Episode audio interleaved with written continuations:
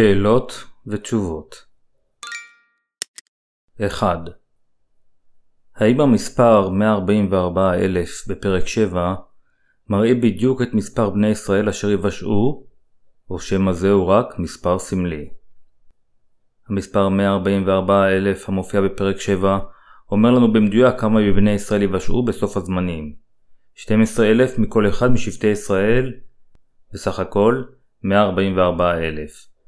זה יבוצע על ידי השגחתו העליונה של אלוהים, כך שחלק מצאצאי אברהם, אשר אלוהים אוהב, יבשעו. אלוהים זוכר את ההבטחה שהוא נתן לאברהם, וכדי לקיים את ההבטחה הזו, הוא יאפשר לבשורת המים והרוח להיות מופצת לא רק לגויים, אלא גם לבני ישראל, צאצאיו בבשר של אברהם. לפיכך, אלוהים קבע שבאמצעות הצרות של סוף הזמנים, ושני עדי האלוהים אשר יקומו במיוחד לבני ישראל, הם יווכחו להאמין בישוע המשיח, אשר הם רדפו וצלבו, שהוא אכן מושיעם האמיתי. באמצעות אלוהים ואמונתו של אברהם, בני ישראל יקבלו את אהבתו המיוחדת של אלוהים. אלוהים החליט שהוא יגאל 12,000 מכל אחד משבטי ישראל מחטאיהם ומחורבנם, ובאמצעות מלאכו חתם אותם עם חותמת אלוהים. לכן, מתור בני ישראל, 144,000 יקבלו את החותמת, המראה שהם אנשי האלוהים. מספר זה יחולק באופן שווה בין תריסר השבטים, מפני שאהבתו של אלוהים אליהם אינה מבוססת על משוא פנים של איזהו שבט מיוחד, אלא הוא מכסה את כולם באותו חסד של להיות עמו. למרות שלפעמים האנשים מאפשרים לרגשותיהם לטשטש את כושר שיפוטם, אלוהים פועל לגבי כל הדברים עם צדק מוחלט והגינות. לאחר שיחתור 144 אלף מבני ישראל עם חותמת הישועה, אלוהים יוריד לאחר מכן מכות גדולות על הארץ הזו. אלוהים הפך סך הכל 144 אלף מבני ישראל לעמו, 12 אלף מכל שבט. שבט יהודה, ראובן, גד, אשר, נפתלי, מנשה, שמעון, לוי, יששכר, זבולון, יוסף ובנימין. וזה נעשה על מנת לקיים את ההבטחה שאלוהים נתן לאברהם ולצאצאיו שהוא יהיה לאלוהיהם. לפיכך, אלוהים החליט להושיע 144 אלף מבני ישראל. למספר 14 כאן, כפי שהוא מופיע במתי, פרק 1 פסוק 17, יש משמעות מיוחדת בשבילנו, האומרת לנו שאלוהים התחיל את עבודתו החדשה מתוך בני ישראל. המספר מכיל את רצונו של אלוהים לסיים עתה את ההיסטוריה של העולם הראשון על האדמה הזו, ולאפשר לבני ישראל שנושעו לחיות בשמיים ובארץ החדשים. כאשר אנו מסתכלים על אילן היוחסים מאברהם ועד ישוע המשיח, אנו יכולים לגלות שמאברהם ועד דוד עברו 14 דורות, מדוד ועד גלות בבל עברו עוד 14 דורות, ומגלות בבל ועד המשיח עברו עוד 14 דורות. במילים אחרות, אנו יכולים לגלות שאלוהים מתחיל את עבודתו החדשה כל 14 דורות. אלוהים חתם 144 אלף מבני ישראל עם הרצון לגרום להם לחיות חיים חדשים, לא בעולם הנוכחי הזה, אלא במלכות השמיים. כפי שניתן לראות, אלוהים הוא נאמן, וללא ספק יגשים את מה שהבטיח בעבר, וקבע בשביל בני האדם. 2. מי הם שני העדים המופיעים בפרק 11? שני העדים המופיעים בפרק 11 הם שני משרתי האלוהים אשר אלוהים יקים, במיוחד כדי להושיע את בני ישראל בסוף הזמנים. כדי לקיים את הבטחתו שנתן לאברהם, אלוהים יגרום לשני הנביאים האלה אשר נשלחו כדי לגאול את בני ישראל מחטאיהם, להדריך אותם, להחזיר אותם לישוע המשיח, ולהאמין בו כמושיעם. שני העדים האלה יאכילו את בני ישראל בדבר האל במשך 1260 יום, כלומר, שלוש וחצי השנים הראשונות מתוך תקופת שבע השנים של הצרה הגדולה. בהשמעת הבשורה של המים והרוח לבני ישראל, ובהביאם להאמין בכך באמצעות שני העדים, אלוהים ייתן לבני ישראל את אותה ישועה שהוא נתן לגויים, בדיוק כפי שהאחרונים הושעו מכל חטאיהם באמצעות האמונה. חזון יוחנן, פרק 11, פסוק 4 אומר אלה הם שני הזיתים ושתי המנורות העומדים לפני אלוהי הארץ. ישנם הרבה פירושים שונים על שני עצי הזית. יש אפילו אנשים הטוענים שהם בעצמם עצי הזית. שני עצי הזית הם אלה המשוחים, בתקופת הברית הישנה, האנשים נמשכו כאשר הם מונו לנביאים, מלכים או כהנים. רוח הקודש ירדה עליהם כאשר הם נמשכו. לפיכך, עצי הזית נוגעים גם לישוע המשיח, אשר הרע מרוח הקודש. אל הרומים, פרק 11, פסוק 17. בכל אופן, בהסתכלנו על חזון יוחנן, פרק 11, פסוק 1, ויינתן לי קנה דומה למטה, ויעמוד המלאך ויאמר, קום עמוד את היכל אדוני, ואת המזבח, ואת המשתחווים בו. עלינו להבין שהמוקד בפרק 11 הוא ישועת בני ישראל. במילים אחרות, מהזמן ההוא תתחיל עבודת השמעת בשורת המים והרוח לבני ישראל, ושחרורם מכל חטאיהם באמצעות חסד הישועה אשר ניתן על ידי ישוע המשיח, והפיכתם לאנשי האמת של אלוהים. אם כן, שני העדים הם שני נביאי האלוהים אשר הוא יקים בסוף הזמנים כדי להושיע את בני ישראל. בתנ"ך, המנורה היא קהל האלוהים אשר בין הגויים, וקהל האל אשר הופשר לבני ישראל. אלוהים הוא לא רק אלוהי ישראל, אלא הוא גם אלוהי הגויים, שהרי הוא אלוהי כולם. לפיכך, בין בני ישראל, ובאופן דומה בין הגויים, אלוהים יסד את קהלו בשניהם, ובאמצעות קהלו, הוא עושה את עבודת הושעת הנשמות מהחטאים עד ליום האחרון. מזמן הברית הישנה, היו לישראלים נביאים אשר הוקמו על ידי תורת אלוהים, ובאמצעותם הם שמעו דבר האל. היה להם את תורת משה והנביאים. לפיכך, הם ידעו הכל על שיטת ההקרבה ועל הנביאים של הברית הישנה, וזוהי הסיבה שהם צריכים נביאי אלוהים אשר יבואו מעמם שלהם. הם גם מאמינים שהם העם הנבחר של אלוהים, ולכן הם לא לוקחים ברצינות ולא מקשיבים כאשר הגויים מספרים להם על דבר האלוהים. לפיכך, רק כאשר הנביאים המאמינים בבשורת המים והרוח, ואשר מונו על ידי אלוהים יקומו מתוך עמם, הם יקבלו ויאמינו לבסוף בישוע המשיח כמושיעם. זוהי הסיבה שאלוהים בעצמו יקים את שני הנביאים מתוך עם ישראל, ושלח אותם לבני ישראל. נביאים אלה למעשה יעשו הרבה נפלאות שמשרתי האלוהים הידועים ביותר בברית הישנה נהגו לעשות בעבר. חזון יוחנן, פרק 11, פסוקים 5-6 אומר לנו וכי יבקש איש להרע להם, תצא אש מפיהם, ואכלה את אויביהם, וכן כל המבקש להרע להם, מות יומת.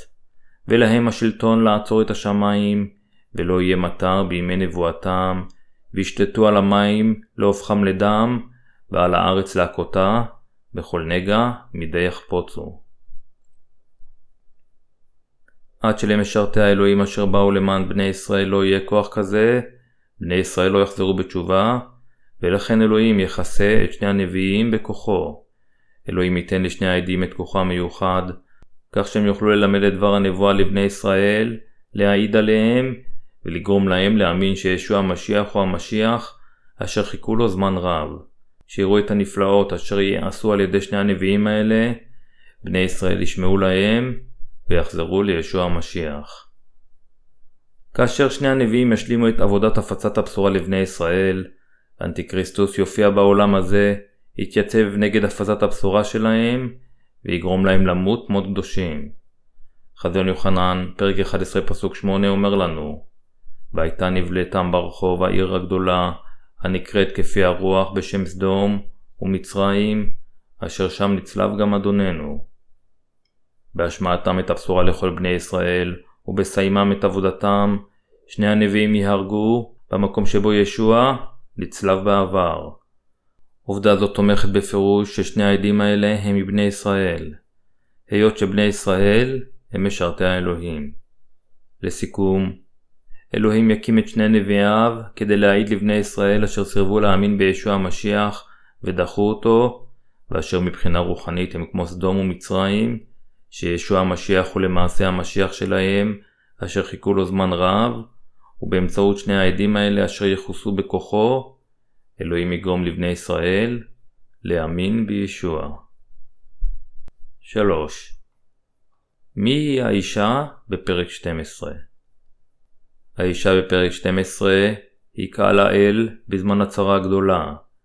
באמצעות האישה נרדפת על ידי התנין, פרק 12 מראה לנו שקל האלוהים ינזק קשות על ידי השטן, כאשר סוף הזמנים יגיע. בכל אופן, באמצעות הגנתו המיוחדת של אלוהים, כהלא יגבר על השטן ועל אנטיקריסטוס עם אמונתם, ויקבל את הכבוד להתכסות בברכותיו הגדולות. מכיוון שהקדושים אשר יישארו בקהל האלוהים יקבלו את מזון האמונה אפילו בזמן הצרה, הם יגברו על אנטיקריסטוס וינצחו על ידי שיאמצו את מות הקדושים שלהם עם אמונתם בבשורת המים והרוח. אלוהים הסביר את העובדה הזו באמצעות המטאפורה של האישה בפרק 12. חזון יוחנן פרק 12, פסוקים 13-17 אומר לנו ויהי כאשר ראה התנין כי הוטל ארצה, וירדוף את האישה אשר ילדה את הזכר. ויתנו לאישה שתי כנפי הנשר הגדול לעוף המדברה אל מקומה, אשר תקולקל שם מועד מועדים וחצי מפני הנחש.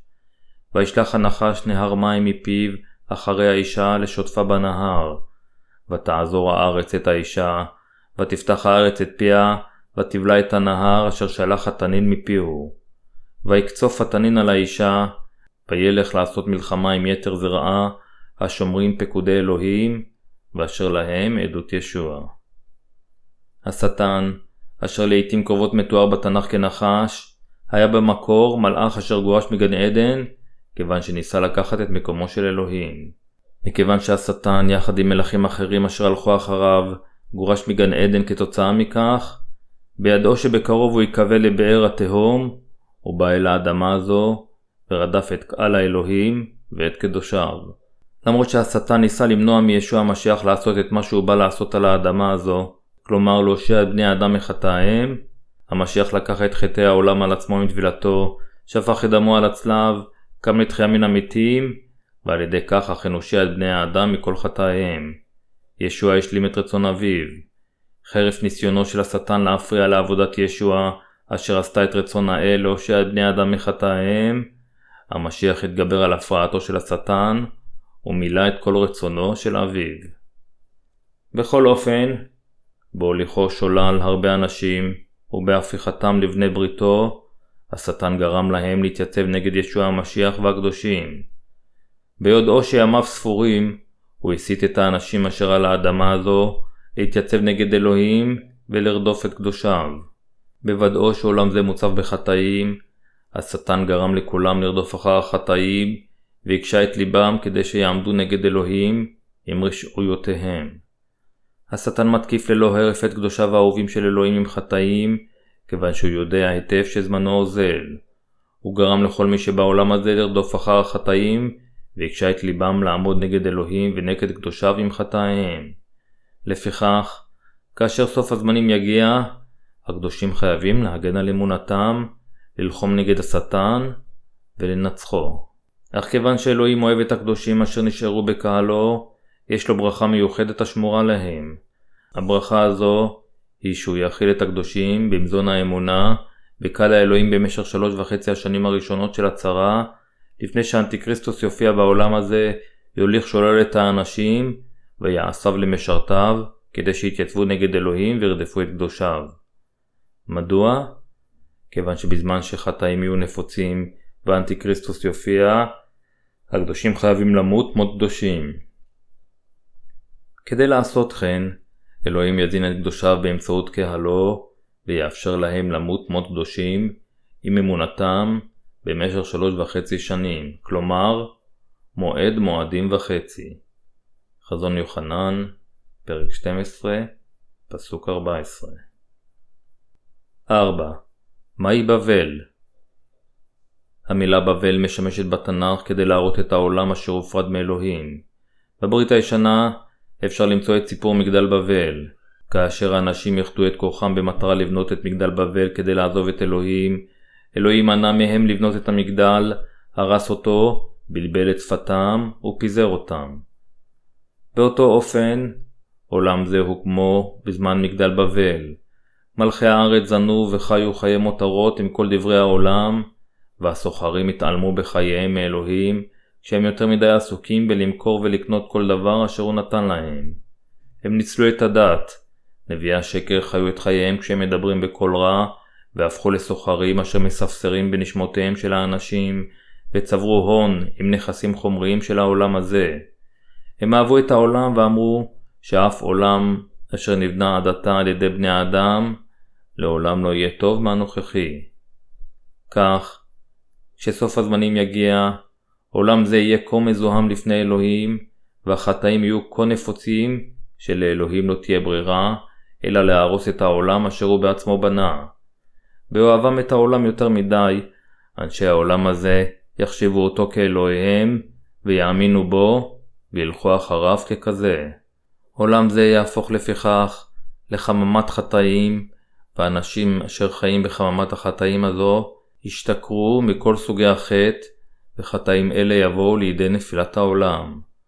לכן הארץ תגיע לקיצה כאשר יבואו המכות של שבע הקערות, אשר יינתנו על ידי אלוהים.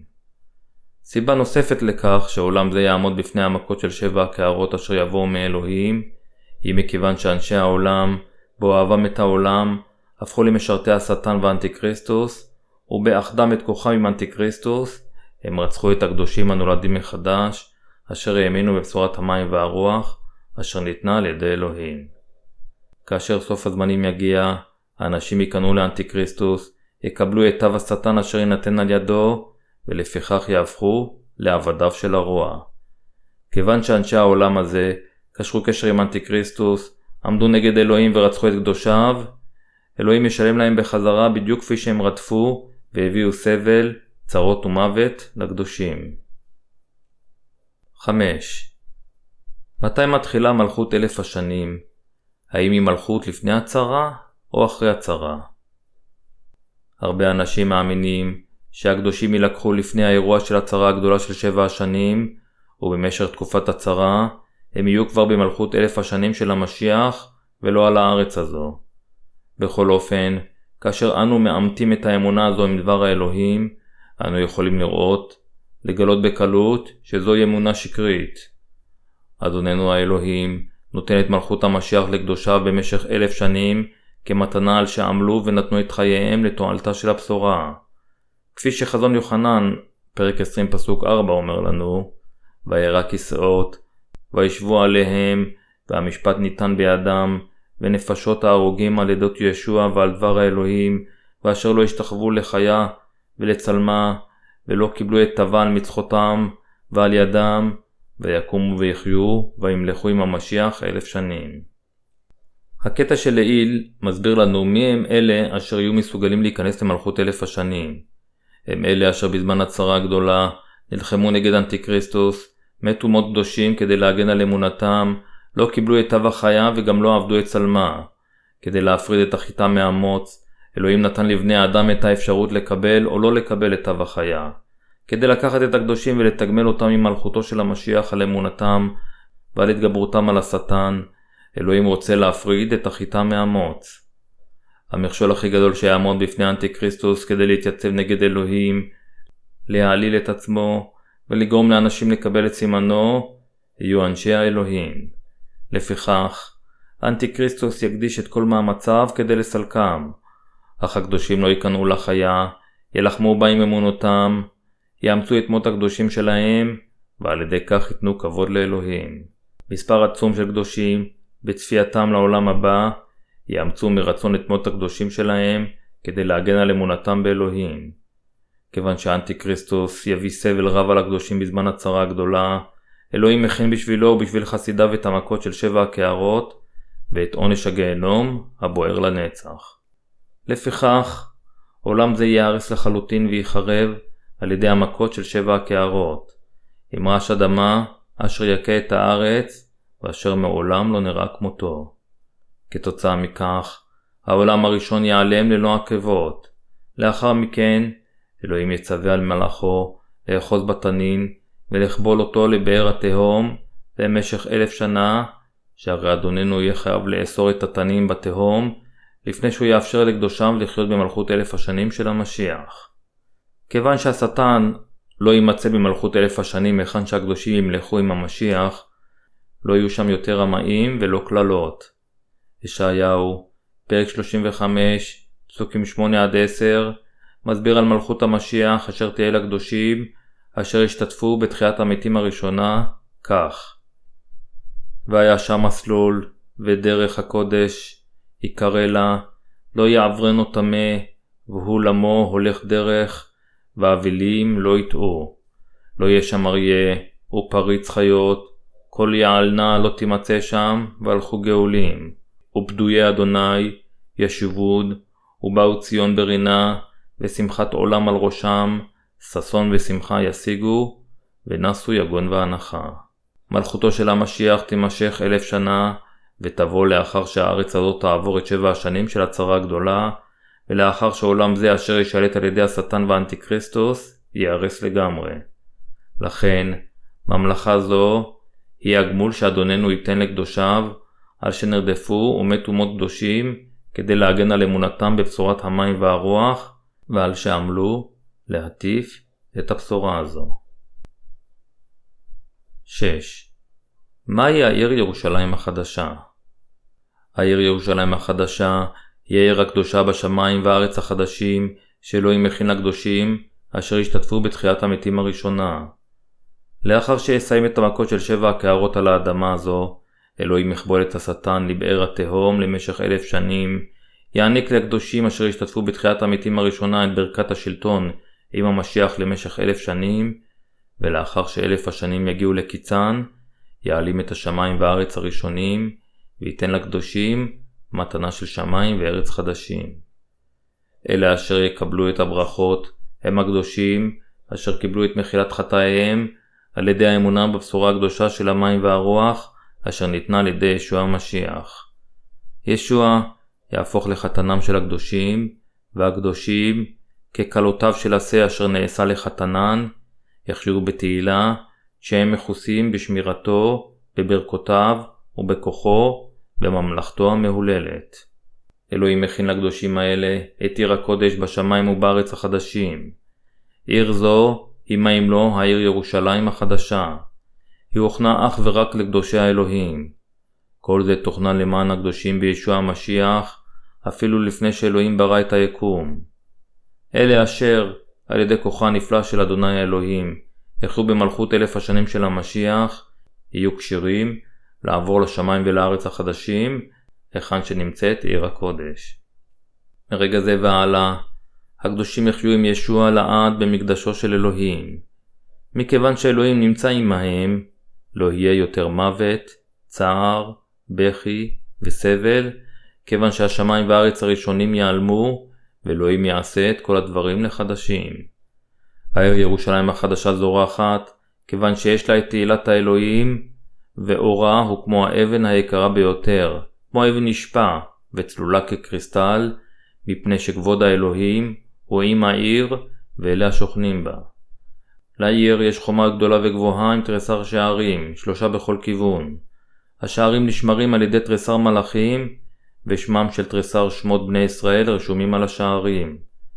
לחומת העיר יש תריסר יסודות, ועליהם רשומים שמותיהם של תריסר שליחי עשה. העיר קבועה כריבוע, שהמידה של צד אחד שלה הוא 12,000 ריס, בערך 2,200 קילומטר, 1,390 מיל. מידת חומותה היא 144 אמה, בערך 72 מטר. חומה זו בנויה מאבן נשפע, והעיר היא זהב טהור כמו זכוכית זכה. יסודות העיר מקושטים בכל סוגי האבנים הטובות, ותריסר השערים של העיר עשויים ממרגליות. כיוון שאדוני אלוהים ועשה נמצאים בעיר, אין צורך שהשמש או הירח יזרחו. גם נחל החיים זורם מכיסא האלוהים ועשה, משקה את מלכות השמיים ומחדש את כל הדברים. משני צידי הנחל עומדים עצי החיים המניבים תריסר פירות כל חודש, ועליהם הם לרפואת העמים. אין שם יותר קללות, אלא רק ברכות נצחיות נמצאות שם. 7. מהו תו החיה? בזמן הצרה, כדי להביא את כולם תחת שליטתו, אנטיקריסטוס יכריח את כולם לקבל את סימנו, או על ידם הימנית או על מצחם. תו זה הוא תו החיה. אנטיקריסטוס ידרוש מהאנשים לקבל את סימנו, כדי שהוא יוכל להפוך את כולם למשרתיו.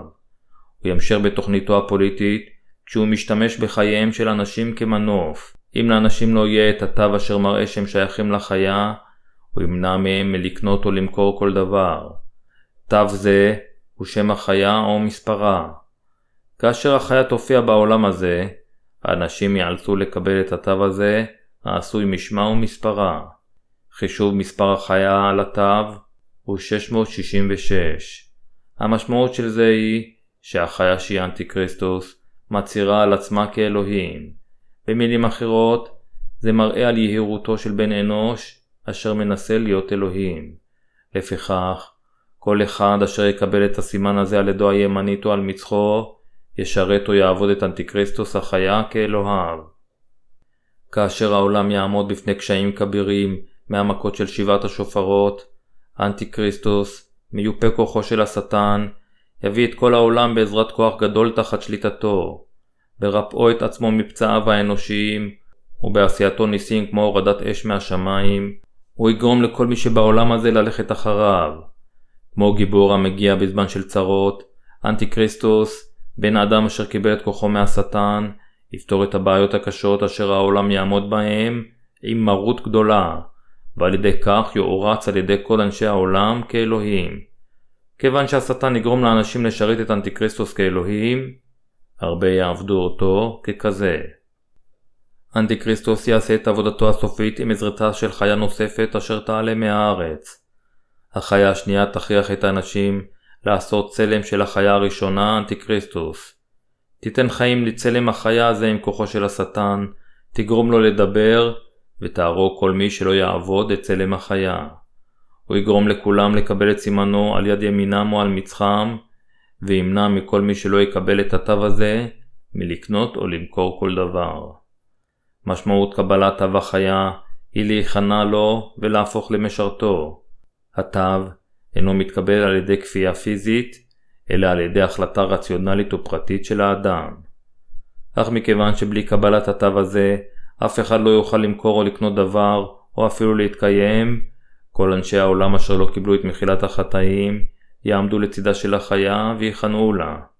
אלא אשר ייכנעו כך לחיה, ויקבלו את סימנה, יושלכו כולם, יחד עם השטן לאגם הבוער באש וגופרית. הנוצרים הנומינליים, אשר עדיין לא נולדו מחדש, מכיוון שבליבם לא שוכנת רוח הקודש, יכנעו לשטן בסוף, יקבלו את סימנו על ידם או על מצחם, ויעבדו אותו כאלוהים. בזמן ההוא, רק אלה אשר קיבלו את מחילת החטאים ואשר רוח הקודש שוכנת בליבם, יהיו מסוגלים להתנגד לדרישת החיה לקבל את סימנה, יילחמו ויקברו על השטן. 8. מי הן או מה הן ארבע החיות אשר עומדות לפני הכיסא של אלוהים. חזיון יוחנן פרק 4 פסוקים 6-9 מתאר את ארבעת החיות כדלהלן ולפני הכיסא ים זכוכית כעין הקרח ובין הכיסא וסביב הכיסא ארבע חיות מלאות עיניים מלפניהם ומאחוריהן ודמות החיה הראשונה כאריה והחיה השנית כשור ופני החיה השלישית כפני אדם ודמות החיה הרביעית כנשר מעופף. ולכל אחת מארבע החיות שש כנפיים מסביב ולפנימה, הנה מלאות עיניים, ואין דמי להם יומם ולילה, ואומרות קדוש קדוש קדוש אדוני אלוהים צבאות, היה והווה ויבוא. ומדי תת החיות כבוד והדר ותודה, היושב על הכיסא, אשר הוא חי לעולמי עולמים. ארבע החיות מסביב לכיסא האלוהים, ביחד עם 24 הזקנים, הם משרתיו הנאמנים של אלוהים, אשר תמיד משרתים את רצונו ומהללים את קדושתו ואת כבודו. כאשר אלוהים פועל, הוא לא פועל לבדו, אלא תמיד הוא פועל באמצעות משרתיו. ארבע החיות, המשרתים הקרובים ביותר לאלוהים, קיבלו את היכולת לבצע תמיד את רצונו. לכל אחת מארבעת החיות יש צורה שונה, המרמזת שכל אחת מארבע החיות משרתת את אלוהים בתפקיד שונה. הן מלאות בעיניים מלפניהם ומאחוריהן, והמשמעות היא שהחיות האלה באופן רצוף שמות לב בקפידה למטרותיו של אלוהים. לפיכך, ארבע החיות הן המשרתים הנאמנים של אלוהים, אשר תמיד משרתים ומבצעים את רצונו. בנוסף, הם אינם נחים, מהללים את כבודו של אלוהים וקדושתו, בדיוק כפי שאלוהים לעולם לא ישן. הם מהללים את קדושתו של אלוהים האב, ואת אדוננו ישוע אשר הוא האלוהים ועשה, ואת כוחו הכל יכול. בדרך זו, ארבע החיות עומדות לפני כיסו של אלוהים, מהללות אותו מתוך ליבם הכן, ולא מתוך מחויבות. מדוע? בגלל מה שישוע המשיח עשה, כלומר, הנמיך את עצמו לדמות אדם, ונולד לעולם הזה באמצעות גופה של מרים הבתולה. הוא לקח את כל חטאי העולם על עצמו כשקיבל את הטבילה מיוחנן, נשא את החטאים האלה לצלב, ומת עליו, ועל ידי כך הושע את כל בני האדם מהחטאים.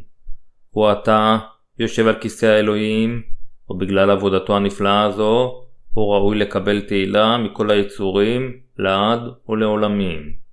כך, ארבעת החיות מרוממות את אלוהים אל על, כשהן נותנות לו, יחד עם 24 הזקנים, תשבחות כנות מעומק ליבם. 9. מהו הדבר הנכון? לקיחת הקהילה לפני הצרה, או לקיחת הקהילה אחרי הצרה? האם הקדושים יהיו עדיין על האדמה הזו בזמן הצרה הגדולה? בהסתכלנו על ההיסטוריה של הנצרות, אנו יכולים לראות שעד היום מספר עצום של שקרנים קמו, כשהם מפרשים את ספר חזון יוחנן, וכשהם מחשבים את זמן לקיחת הקהילה על פי שיטתם שלהם, שקרנים אלה קבעו תאריך מסוים ויום בו תתרחש הלקיחה, ונהגו ללמד שישוע יחזור והקדושים יילקחו ביום הנבחר הזה. בכל אופן, כל ההצהרות הללו התבררו לבסוף כחסרות ערך. מאפיין משותף לכל אלה הוא שהם כולם תומכים בתיאוריה של הלקיחה שלפני הצהרה. שהם אומרים לחסידיהם שלנכסיהם החומריים אין שום תועלת מכיוון שהם כולם יילקחו ויתרוממו לרקיע לפני הצהרה הגדולה, שקרנים אלה מרמים הרבה אנשים וגוזלים אותם מנכסיהם החומריים. אנו חייבים להבין שזהו תכסיסו המחוכם של השטן, המנסה להוליך שולל את כל אנשי העולם הזה ולהפוך אותם למשרתיו באמצעות שקרים אלה.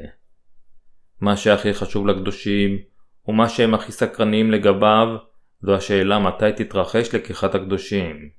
חזון יוחנן פרק 10 פסוק 7 אומר לנו אך בימי כל המלאך השביעי, בעת עומדו לתקוע, ונשלם סוד האלוהים, כאשר בישר את עבדיו הנביאים. מה המשמעות כאן כאשר נאמר, ונשלם סוד האלוהים?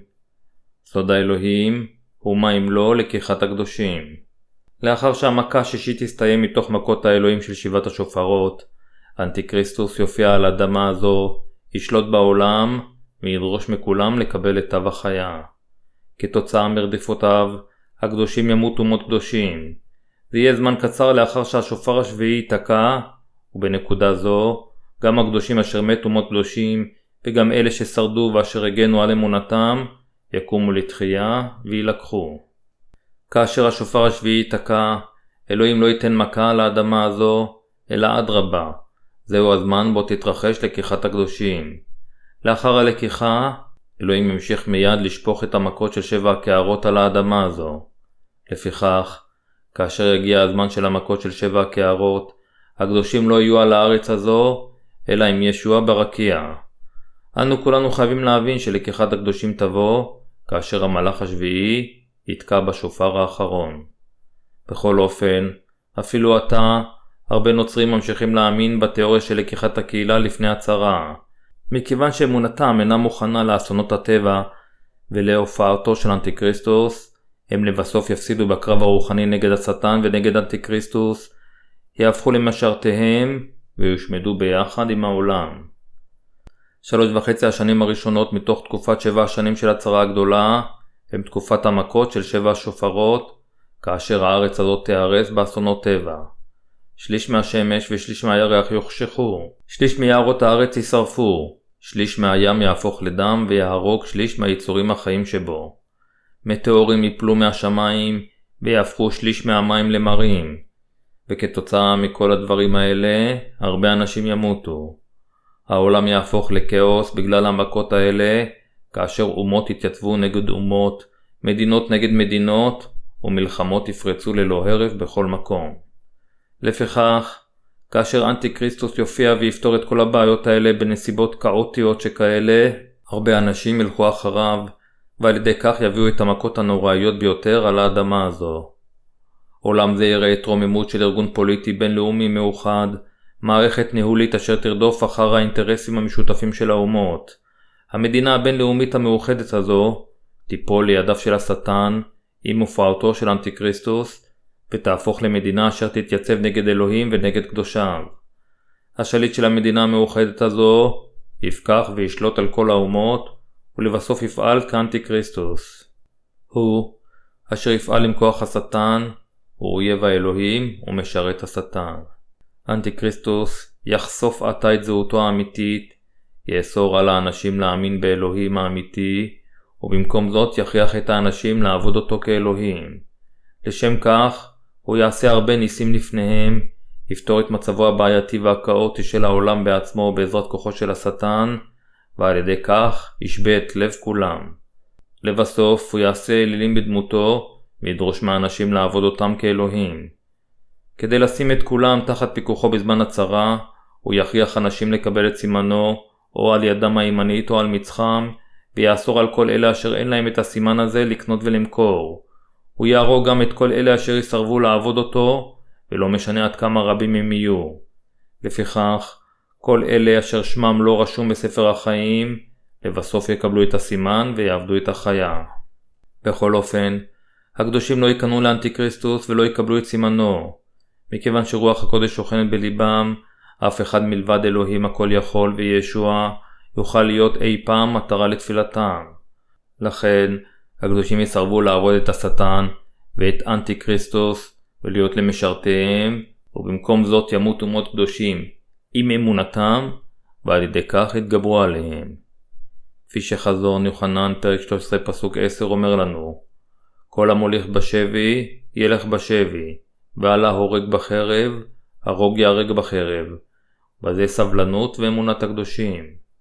כאשר אנטיקריסטוס יופיע ויכריח את האנשים לקבל את סימנו, יעברו כבר שלוש וחצי שנים של הצרה הגדולה, ושלוש וחצי השנים הבאות יתחילו. זה יקרה כאשר הקדושים ירדפו על ידי אנטיקריסטוס וימותו מות קדושים. אך כוחו של אנטיקריסטוס ורדיפתו אחר הקדושים יתאפשר על ידי אלוהים רק לזמן קצר, היות שישוע יקצר את זמן הצרה למען קדושיו. בזמן ההוא, הקדושים ייתנו כבוד לאלוהים במאבקם נגד אנטיקריסטוס כדי להגן על אמונתם, ויגברו עליו עם מות הקדושים שלהם. לאחר שיעברו את השלוש וחצי השנים הראשונות של הצרה הגדולה, הנולדים מחדש הקדושים יישארו על הארץ הזו עד זמן מות הקדושים שלהם, כאשר השלוש וחצי השנים הבאות של הצרה הגדולה יתחילו. לכן, הם חייבים להיאבק בשטן ובאנטיקריסטוס, ולגבור עליהם עם אמונתם.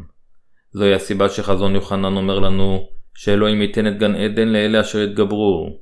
לפיכך, לפני ששלוש וחצי השנים הראשונות של הצרה הגדולה יחלפו ואנטיקריסטוס יופיע, הקדושים חייבים לטפח את אמונתם במסגרת קהל האלוהים, בשמירתו ובהדרכתו של אדוננו.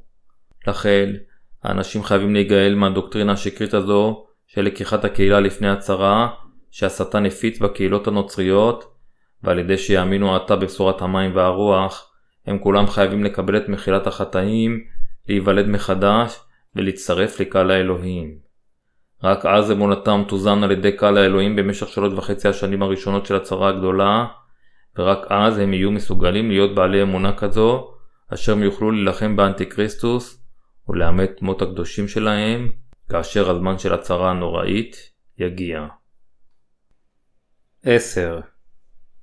כאשר אתה אומר שלקיחת הקדושים תתרחש לאחר שהמהלך השביעי יתקע בשופרו, האם אתה לא סותר מה שישוע אמר שאף אחד אינו יודע את היום והשעה ואפילו לא ישוע בעצמו? כלל וכלל לא. מה שאדוננו אמר לנו זה לא את היום והשעה המדויקת של לקיחת הקדושים, אלא את הרקע ואת הסימנים המובילים למאורע הלא רגיל הזה. רק אז הקדושים אשר אוהבים את ישוע יוכלו להכין את אמונתם, ורק אז הם יוכלו להשתתף בלקיחה כשהם נלחמים נגד אנטיקריסטוס ומאמצים את מות הקדושים שלהם כאשר יגיע הזמן. דרך חזונו, אלוהים הראה ליוחנן השליח, אשר הוגלה לאי פטמוס בזמן ההוא, את כל הדברים העתידים להתרחש בסוף הזמנים של העולם הזה. בדרך זו, כאשר אלוהים מתכנן ומבצע את כל עבודתו, הוא מוודא שקדושיו ידעו את זה. מתוך כל דברי האל, ספר חזון יוחנן כתוב במיוחד עם הרבה מטאפורות. בגלל זה, רק משרתי האלוהים אשר נושעו מכל חטאים על ידי האמונה בבשורת המים והרוח, ושעל ידי כך קיבלו את רוח הקודש בליבם, יכולים לפתור את המטאפורות ולהסבירן לאנשים. למשרתי האלוהים ולקדושיו, דבר חזון יוחנן גילה בבירור את הכל על המכות של שבע השופרות, על הופעתו של אנטיקריסטוס, מות הקדושים, תחייתם, לקיחתם, מלכות אלף השנים של המשיח, ועל השמיים והארץ החדשים. לקיחת הקדושים קשורה בהדוקות למות הקדושים שלהם. חזון יוחנן פרק 11 פסוקים 10-12 מספר לנו על מותם של שני העדים, תחייתם ולקיחתם תוך שלושה וחצי ימים. שני העדים האלו מתו על קידוש השם בידי אנטיקריסטוס, ואז קמו לתחייה ממותם תוך שלושה וחצי ימים.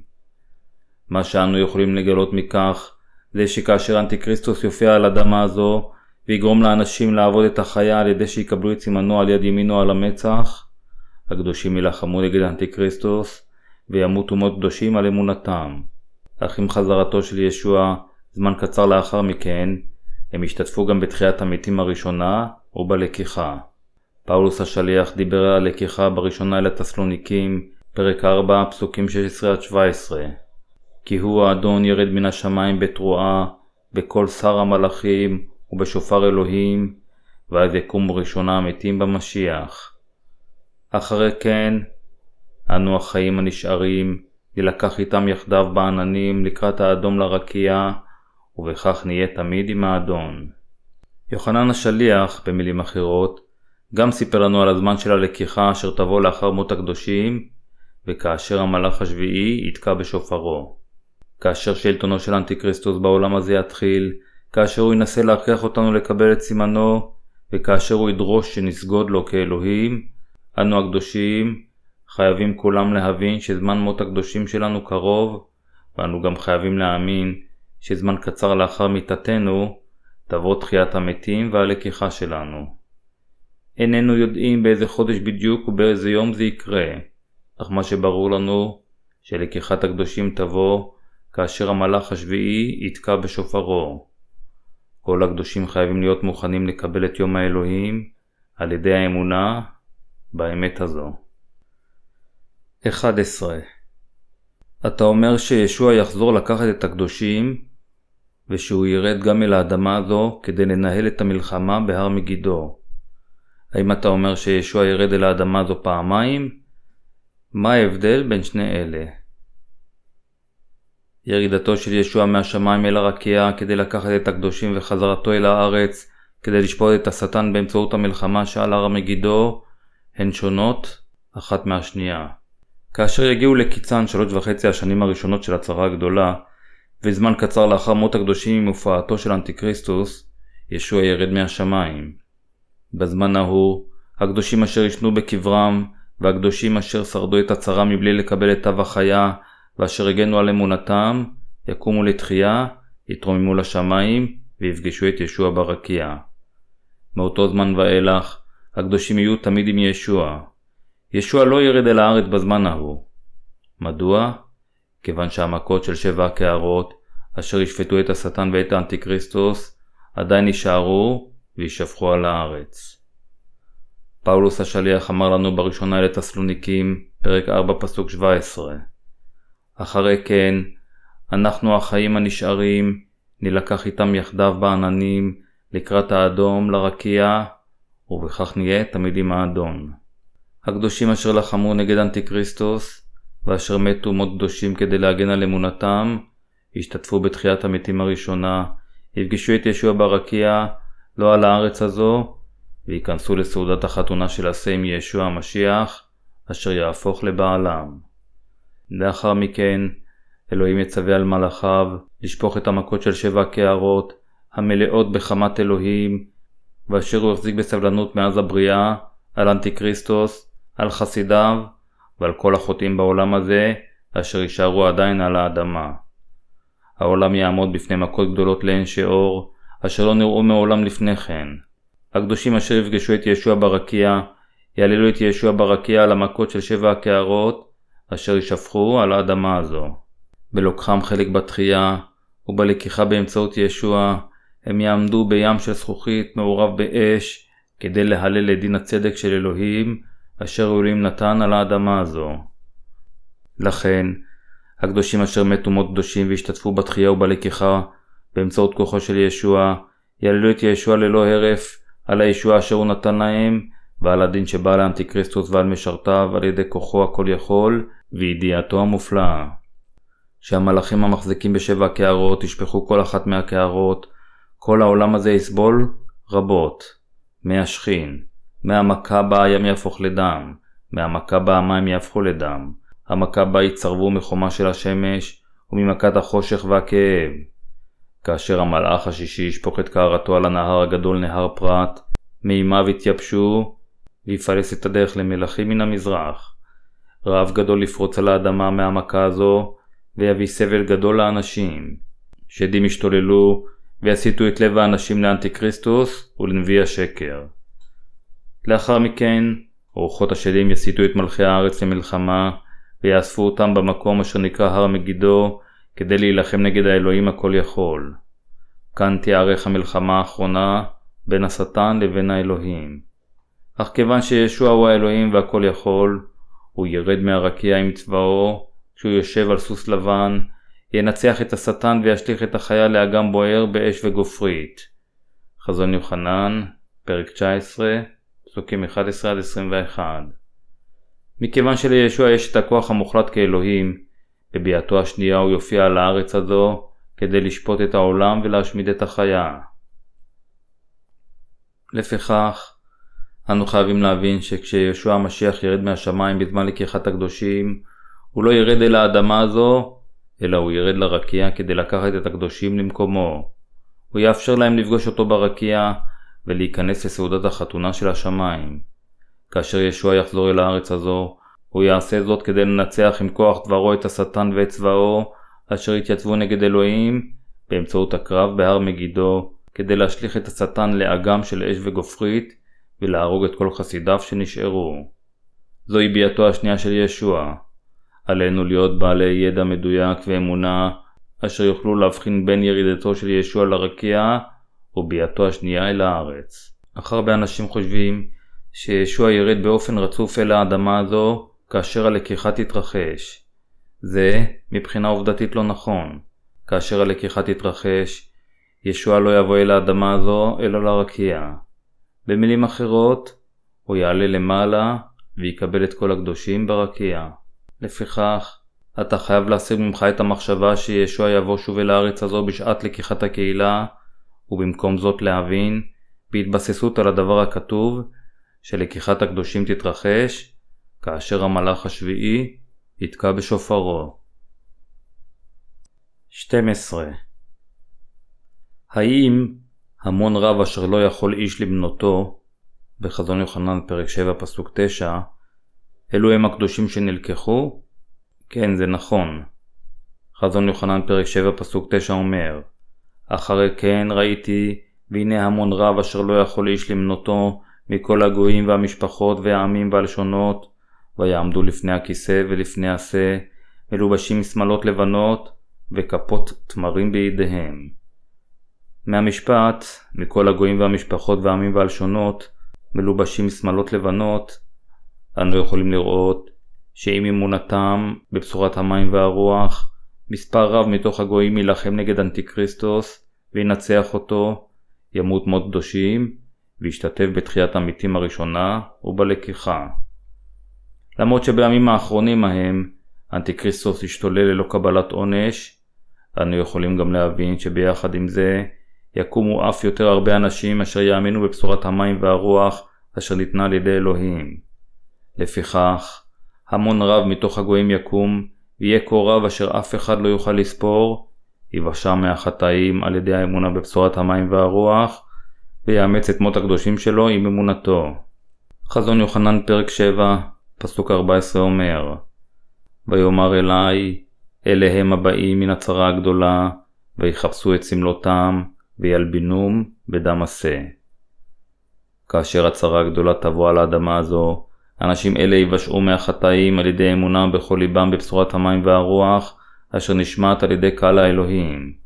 לכן הם ימותו מות קדושים, כיוון שהם לא עבדו את אנטיקריסטוס, ולא קיבלו את תו החיה על יד ימינם או על מצחם, ולכן הם השתתפו בתחיית המתים ובלקיחה.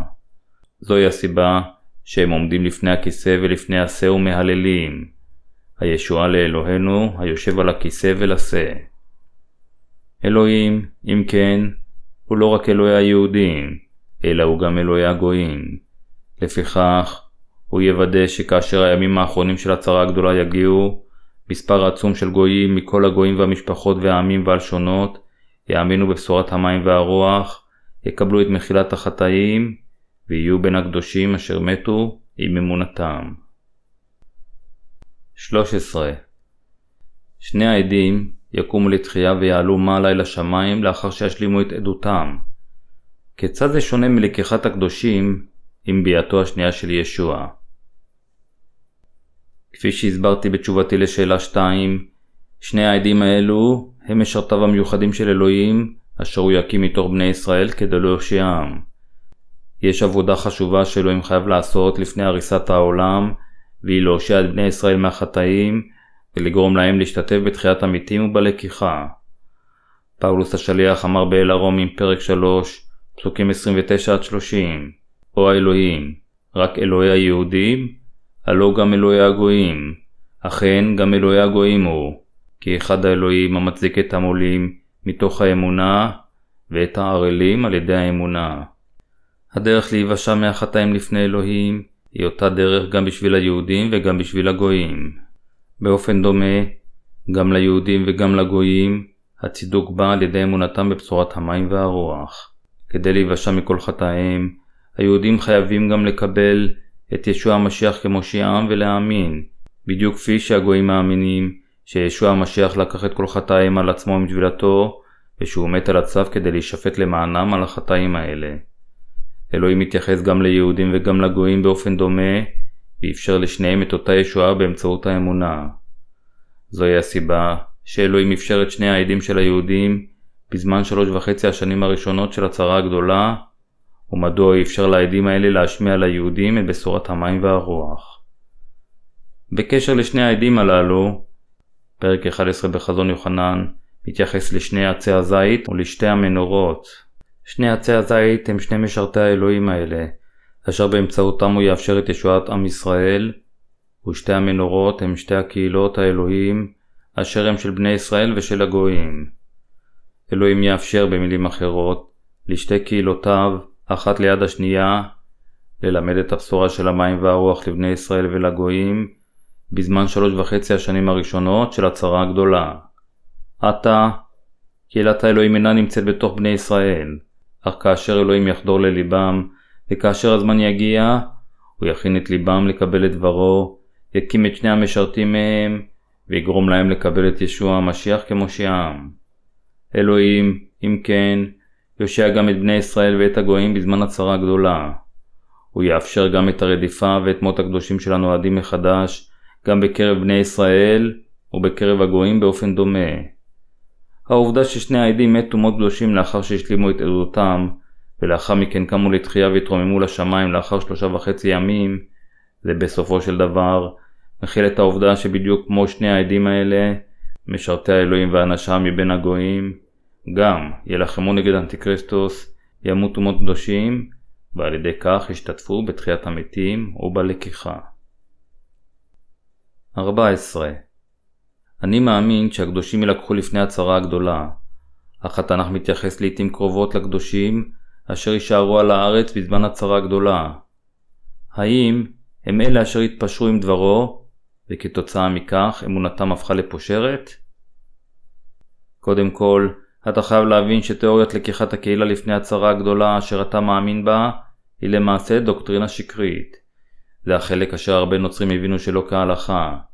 הם חושבים שמכיוון שהקדושים ילקחו לפני הצרה הגדולה, כאשר זמנה יגיע, רק החוטאים יהיו על הארץ. בכל אופן, הבעיה היא שהתנ"ך מתייחס לעיתים תקופות לקדושים אשר יישארו על הארץ בשעת הצרה הגדולה ואשר התגברו על הרדיפה בעזרת התמדה ומות הקדושים שלהם. לכן הרבה אנשים חושבים בטעות שהקדושים האלה אשר נשארו מאחור ואשר נרדפים בזמן הצרה הם אלה אשר התפשרו עם העולם ואשר אמונתם פושרת. האנשים אשר מחזיקים בדעה כזו חיים בבלבול כיוון שהם אינם יודעים מדבר האלוהים את הזמן המדויק של לקיחת הקהילה. מתי, אם כן, הוא הזמן המדויק של הלקיחה?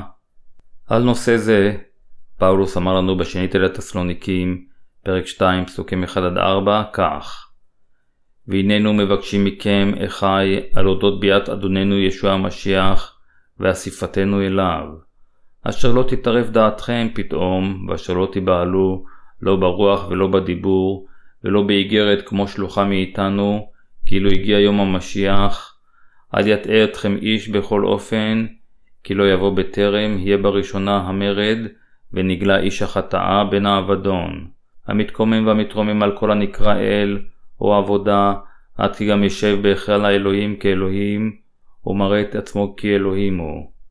איש החטאה, בן האבדון, מכוון כאן לאנטיקריסטוס, אשר יופיע באמצע הצרה הגדולה. במילים אחרות, אנטיקריסטוס יופיע בעולם לפני לקיחת הקהילה, וירומם עצמו אל על כאלוהים. הוא יעשה אלילים בדמותו, ויכריח את האנשים לעבוד ולשרת אותו. כדי להביא את כולם תחת שליטתו, הוא גם יגרום לאנשים לקבל תו עם שם החיה ומספרה על ידם הימנית או על מצחם, ויאסור על מי שלא יהיה לו הסימן הזה לקנות או למכור כל דבר. כאשר החיה הזאת תופיע בעולם, אנשי העולם הזה ייאלצו לקבל את התו הנושא את שמה או את מספרה. לפיכך, כל מי ששמו לא כתוב בספר החיים מאז הבריאה, יקבל בסופו של דבר את התו ויעבוד את החיה. בכל אופן, מכיוון שבלב הקדושים אשר הפכו לאנשי האלוהים יש את רוח הקודש, הם לא יוכלו לעבוד כל יצור כאלוהים לבד מהאלוהים האמיתי. רוח הקודש אשר שוכנת בליבם תיתן להם את הכוח להתנגד לכפייה של השטן ושל אנטי-כריסטוס ולהגן על אמונתם ממות הקדושים שלה. רוח הקודש תיתן להם גם את המילים אשר בעזרתן הם יוכלו לעמוד נגד אויביהם. חזון יוחנן, פרק 17, פסוקים 12-13 אומר לנו ועשר הקרניים אשר ראית, עשרה מלכים הם, אשר לא קיבלו מלכות עד הנה, רק לשעה אחת, ממשלה כמלכים יקבלו עם החיה.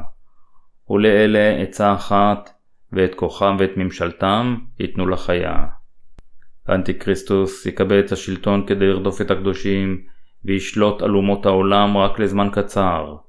זמן קצר לאחר דרישתו של אנטיקריסטוס לקבל את סימנו, יבוא מות הקדושים. חזון יוחנן, פרק 11, פסוקים 11-12, אומר לנו מצד שני, ויהי אחר ימים שלושה וחצי, ותבוא בהם רוח חיים מאת האלוהים, ויעמדו על רגליהם, ואימה גדולה נפלה על כל רואיהם. וישמעו קול גדול מן השמיים מדבר אליהם לאמור, עלו הנה, ויעלו בענן השמיימה, ושונאיהם רואים אותם. מעובדה זו, ששני העדים שמתו מות קדושים, קמו לתחייה ונלקחו תוך שלושה ימים וחצי, אנו יכולים לראות גם שההפסקה בין מות הקדושים שלנו ללקיחה שלנו היא גם לא כל כך ארוכה. שני העדים האלה נלקחו בו זמניים עם תחיית המתים שלהם. כאשר ישוע יחזור, הקדושים שמתו על קידוש השם, והקדושים אשר שרדו ואשר לא קיבלו את תו החיה, יקומו לתחייה, יתרוממו לרקיע, ויקבלו את ישוע ברקיע. לכן, אנו יכולים להבין שהופעתו של אנטיקריסטוס, מות הקדושים, תחייתם ולקיחתם, קשורים מאוד זה לזה. פאולוס ויוחנן הסבירו לנו בפירוט על זמן לקיחת הקדושים. כל הקדושים יעברו את שלוש וחצי השנים הראשונות של הצרה הגדולה, במילים אחרות, עד שכל המכות של שבעת השופרות יחלפו, הם עדיין יהיו על הארץ.